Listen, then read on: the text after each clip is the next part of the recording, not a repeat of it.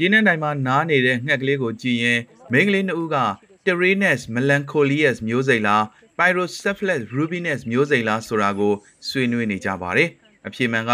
rubinus မျိုးစိတ်ဆိုတဲ့ရင်ပုံနီစာငှက်ကလေးပဲဖြစ်ပါတယ်။ကိုလံဘီယာအလယ်ပိုင်းကစိမ့်မြတဲ့ Planadex တောင်တန်းတွေကြားမှာအခုလိုဌာနေတိုင်းရင်းသားကလေးငယ်တွေရဲ့သကတာဝတ်တန်းကစားနည်းကလည်းအံ့ဩဖွယ်ရာအလေးအထားတစ်ခုဖြစ်ပါတယ်။တောင်တန်းကြီးကိုတေချာကြည့်မယ်ဆိုရင်ကလေးလူကြီးအယောက်30လောက်ကငှက်ကြည့်တဲ့နေ့ကိုပါဝင်ဆင်နွှဲနေကြတာကိုတွေ့မြင်နိုင်ပါတယ်။အဆိုပါပနာမခြေလန်းဟာနိုင်ငံကိုရာစုနှစ်ဝက်ကြာစန့်ကျင်တိုက်ခိုက်ခဲ့တဲ့ Marx Wadi တော်လန်ရေးလက်နက်ကင်တပ်ဖွဲ့ FARC ကဆင်နွှဲခဲ့တဲ့စစ်ပွဲတွေကြောင့်ပျက်စီးခဲ့ရတဲ့တိုလီမာဒေသရှိငြိမ်းချမ်းရေးကိုမြင့်တင်ဖို့ရည်ရွယ်ခြင်းဖြစ်ပါတယ်။တမိုင်းဝင်ငြိမ်းချမ်းရေးသဘောတူညီချက်တစ်ခုနဲ့ ထိုပဋိပက္ခကိုအဆုံးတိုင်စေပြီးတဲ့နောက်9နှစ်အကြာမှာစစ်ပွဲရဲ့ဒဏ်ရာဒဏ်ချက်တချို့ကျန်ရှိနေသေးပေမဲ့ပလာနာတက်စာငြိမ်သက်မှုကိုပြန်လည်တွေ့ရှိခဲ့ပါတယ်။ငှက်ကြည့်ခြင်း project ကိုမြင့်တင်ပေးတဲ့ပလာနာတက်ရှိဂေဟစနစ်ထိန်းသိမ်းသူတွေအတွက် Exopet အသင်းကိုတီထောင်ခဲ့သူကယ်မီလိုအန်စီဆိုကတော့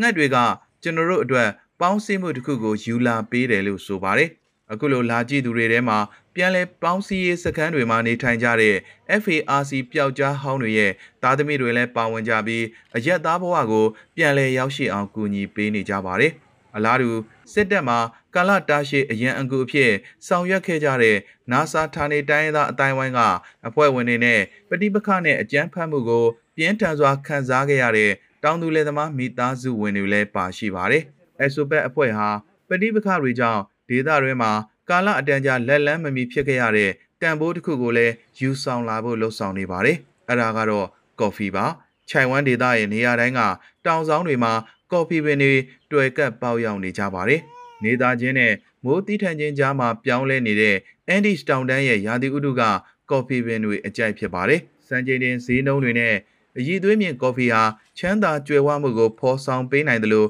ပလာနာဒက်စ်မှာရှိတဲ့မိသားစု6000ကျော်ကလည်း ကော်ဖီကိုနှစ်သက်စွာတောက်သုံးကြပါတယ်။ Exopet ရဲ့အဖွဲ့ဝင်300ကျော်ကအရည်အသွေးမြင့်ကော်ဖီဈေးတွေကိုဝယ်ယူပြီးဥရောပအာရှနဲ့အမေရိကန်ပြည်ထောင်စုတို့မှာအခြေစိုက်တဲ့ဖောက်သည်90စီကိုပြန်လည်ရောင်းချဖို့စီစဉ်ထားပါတယ်။စိတ်ကူးတာက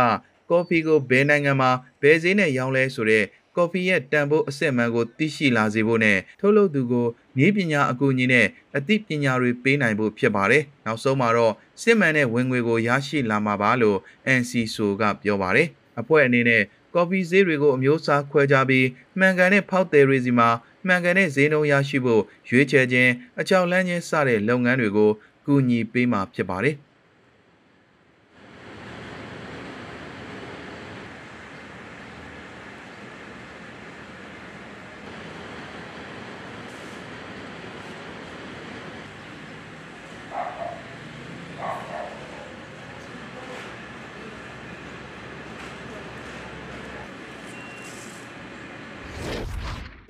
cryptocurrency ကိုထိန်းညှိရေးအတွက်ဥပဒေပြဋ္ဌာန်းဖို့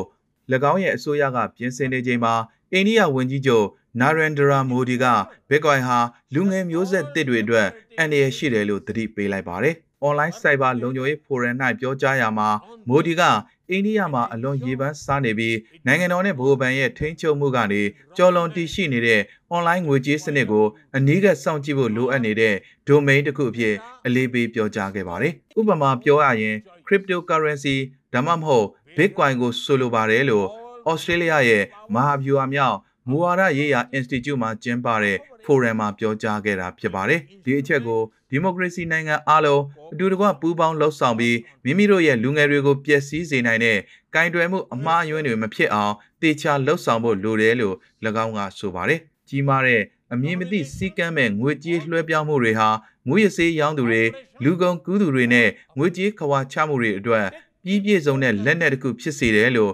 cryptocurrency အပေါ်ဝေဖန်သူတွေကဆွဆွဲကြပါတယ်။နိုင်ငံအများပြားဟာ cryptocurrency နဲ့ပတ်သက်ပြီးကြီးကြပ်ကွက်ကဲနိုင်ဖို့ဥပဒေပြုလာခဲ့ကြပြီးယခုအခါလဲလှယ်မှုတွေကိုတရားစီရင်ပိုင်ခွင့်အတွင်းကအခြားသောဗန္ဒာရေးဝန်ဆောင်မှုများကဲ့သို့တူညီတဲ့စီးမြင်များချမှတ်လှုပ်ဆောင်နေပြီဖြစ်ပါတယ်။အိန္ဒိယက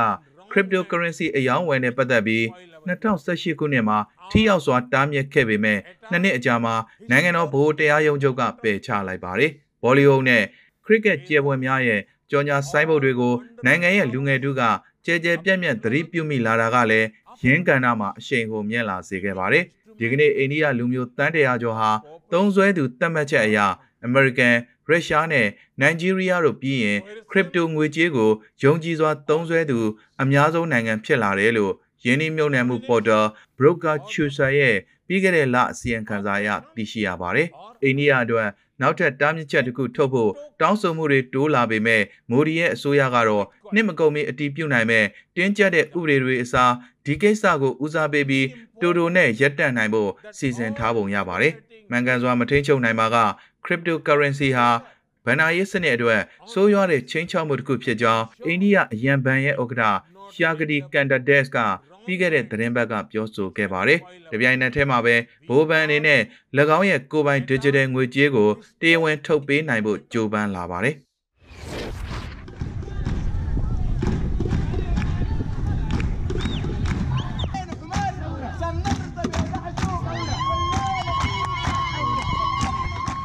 ။ဆူဒန်နိုင်ငံမှာစစ်တပ်ရဲ့အောက်တိုဘာ25အာဏာသိမ်းပြီးနောက်ပိုင်းအသေးအပြောက်အများဆုံးနေ့အဖြစ်လုံခြုံရေးတပ်ဖွဲ့ဝင်တွေက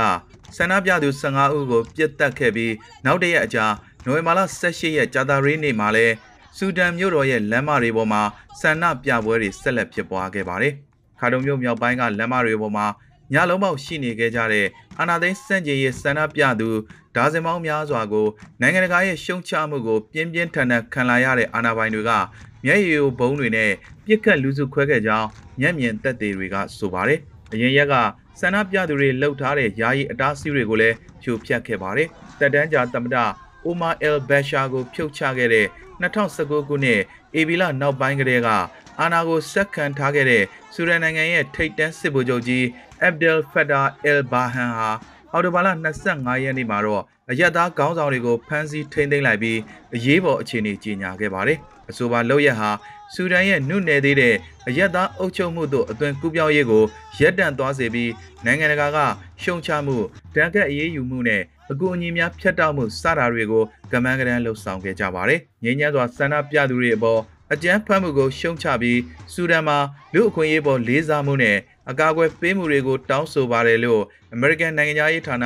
အာဖရိကရေးရာဘျူရိုက Twitter မှာပြောကြားလိုက်ပါတယ်။ဘာဟန်ကစစ်တပ်ရဲ့လှုပ်ဆောင်မှုဟာ အာဏာသိမ်းမှုမဟုတ်ဘဲအယက်သားအုပ်ချုပ်မှုတို့အသွင်ကူးပြောင်းရေးလမ်းကြောင်းကိုပြင်ဆင်တက်မှတ်ပေးဖို့ခြေလှမ်းဖြစ်ကြောင်းအခိုင်အမာပြောကြားခဲ့ပါတယ်။ကာတော်နဲ့အခြားမျိုးကြီးတွေမှာဗိုလ်ဒူးနေကစန္ဒပြပြည်သူတွေထောင်နဲ့ချီပြီးလမ်းပေါ်ထွက်ခဲ့ကြရမှာအာဏာသိမ်းမှုနောက်ပိုင်းအဆိုးရွားဆုံးဖြိုခွင်းမှုနဲ့ရင်ဆိုင်ခဲ့ရပါတယ်။အနည်းဆုံး15ဦးသေဆုံးခဲ့ပြီးအများစုမှာကာတွန်ကဖြစ်တယ်လို့စေးဖွဲ့ကဆိုပြီးအာဏာသိမ်းပြီးနောက်ပိုင်းသေဆုံးသူဦးရေ39ဦးထိမြင့်တက်လာခဲ့ပါတယ်။ရဲတပ်ဖွဲ့ကတော့ ခါတော်မြောက်ပိုင်းမှာဆန္ဒပြသူတို့သေဆုံးကြောင်း၎င်းတို့အနေနဲ့တိုက်ရိုက်ပြစ်ခတ်မှုမရှိကြောင်းနဲ့တပ်ဖွဲ့ဝင်89ဦးဒဏ်ရာရရှိခဲ့ပေမဲ့အ ਨੇ ဆုံးအင်အားကိုသာအသုံးပြုခဲ့ကြောင်းထုတ်ပြန်ခဲ့ပါတယ်။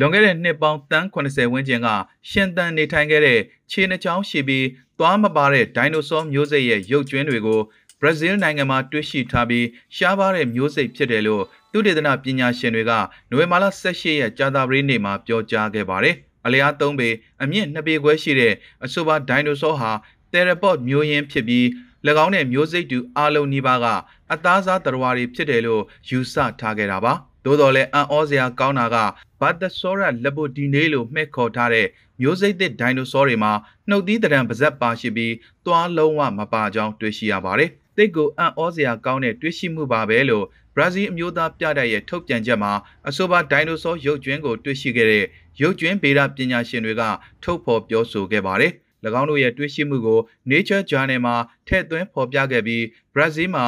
Cretaceous ရုပ်အတွင်းက ဒိုင်နိုဆောရုပ်ကျွင်းအပြည့်အစုံကိုတွေ့ရှိခဲ့ပြီလို့ပြောဆိုခဲ့ပါတယ်။သွားမပါတဲ့အတွက်ဘလို့အာဟာရပြုတ်တယ်လဲဆိုတဲ့မေးခွန်းတွေမေးစရာဖြစ်လာတယ်။သွားမပါတဲ့အတွက်အသားမစားဘူးလို့လည်းမဆိုနိုင်ဘူး။လင်းယုံတွေသိငှက်ကြီးတွေလိုတားရဲငှက်တွေမှာလည်းနှုတ်သီးပဲပါပေမဲ့အသားစားကြတာပဲ အများဆုံးဖြစ်နိုင်ခြေရှိတာကတော့ရတတ်သမျှစားတောက်ရတဲ့ခေါင်းပါတဲ့ပတ်ဝန်းကျင်မှာကြံလဲကျက်စားတဲ့အစုံစားတရဝါဖြစ်မယ်လို့လေးလာမှုမှာပါဝင်ခဲ့သူသူတေသနပညာရှင် Giovanni Elves Souza ကဆိုပါတယ်အဆိုပါရုပ်ကျွင်းကိုပရာနာပြည်နယ်တောင်ပိုင်းကကျေးလက်လမ်းတစ်လျှောက်မှာ2011ခုနှစ်နဲ့2014ခုနှစ်အတွင်းတွေ့ရှိခဲ့တာဖြစ်ပြီး လွန်ခဲ့တဲ့နှစ်ပေါင်းတန်း80နဲ့တန်း80အကြားရှင်သန်ကျက်စားခဲ့တဲ့မျိုးစိတ်တစ်ဖြစ်တယ်လို့တရုတ်ခွဲပညာရှင်တွေကဆိုပါတယ်1986ခုနှစ်မှာကွယ်လွန်ခဲ့တဲ့အမျိုးသမီးရေးတက်ကြွလှုပ်ရှားသူဘရာဇီးသိပ္ပံပညာရှင်ဘာတာလူးနဲ့19ရာစုကသိပ္ပံပညာထွန်းကားရေးအားပေးခဲ့သူ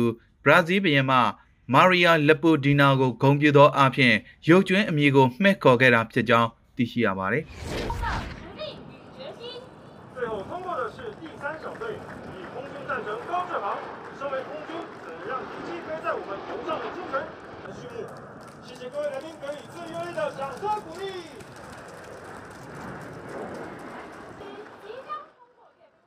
ထိုင်ဝမ်မှာနိုဝင်ဘာလ18ရက်ကြာသပတေးနေ့ကအဆင့်အမြင့်ဆုံး F-16V တိုက်လေယာဉ်တွေနဲ့ဖွဲ့စည်းထားတဲ့ပထမဆုံးလေယာဉ်အုပ်ကို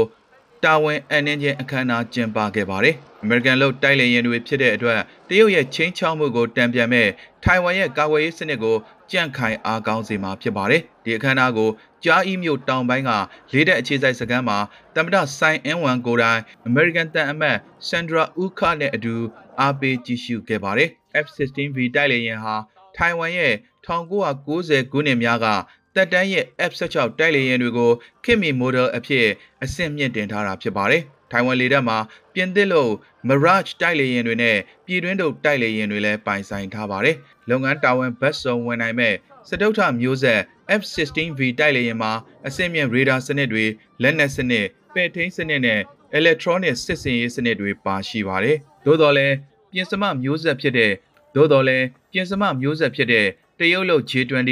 ရုရှားလို့ SU-57 အမေရိကန်လို့ F-22 နဲ့ F-35 တို့ထက်အဆင့်နှိမ်ပါတယ်။ထိုင်ဝမ်ဟာတပ်တန်းရဲ့ F-16 တိုက်လေယာဉ်140တစီးကို V version အဖြစ်ပြောင်းလဲနေဆဲဖြစ်တယ်လို့ F-16V တိုက်လေယာဉ်အသစ်66စီးလဲမှာယူထားပြီးဖြစ်ပါတယ်။ ဘေကျင်းနဲ့ဝါရှင်တန်အစိုးရအကြားထိုင်ဝမ်အရေးနဲ့ပတ်သက်ပြီးတင်းမာမှုတွေမြင့်တက်နေချိန်မှာအမှတ်1လေးအုပ်ကိုတာဝန်အနှင်းချင်းအခမ်းအနားကျင်းပခဲ့တာဖြစ်ပါတယ်။လူဦးရေ23တန်းနေထိုင်ရာဒီမိုကရေစီနီးကြ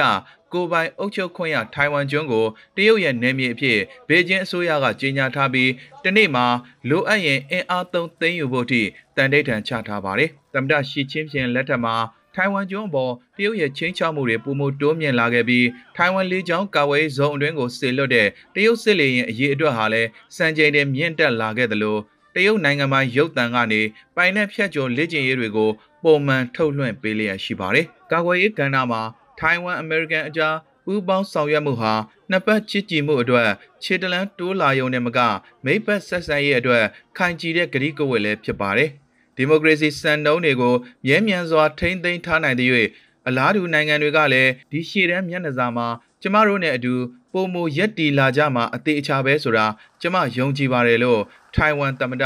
ဆိုင်အင်းဝမ်ကဆိုပါတယ်။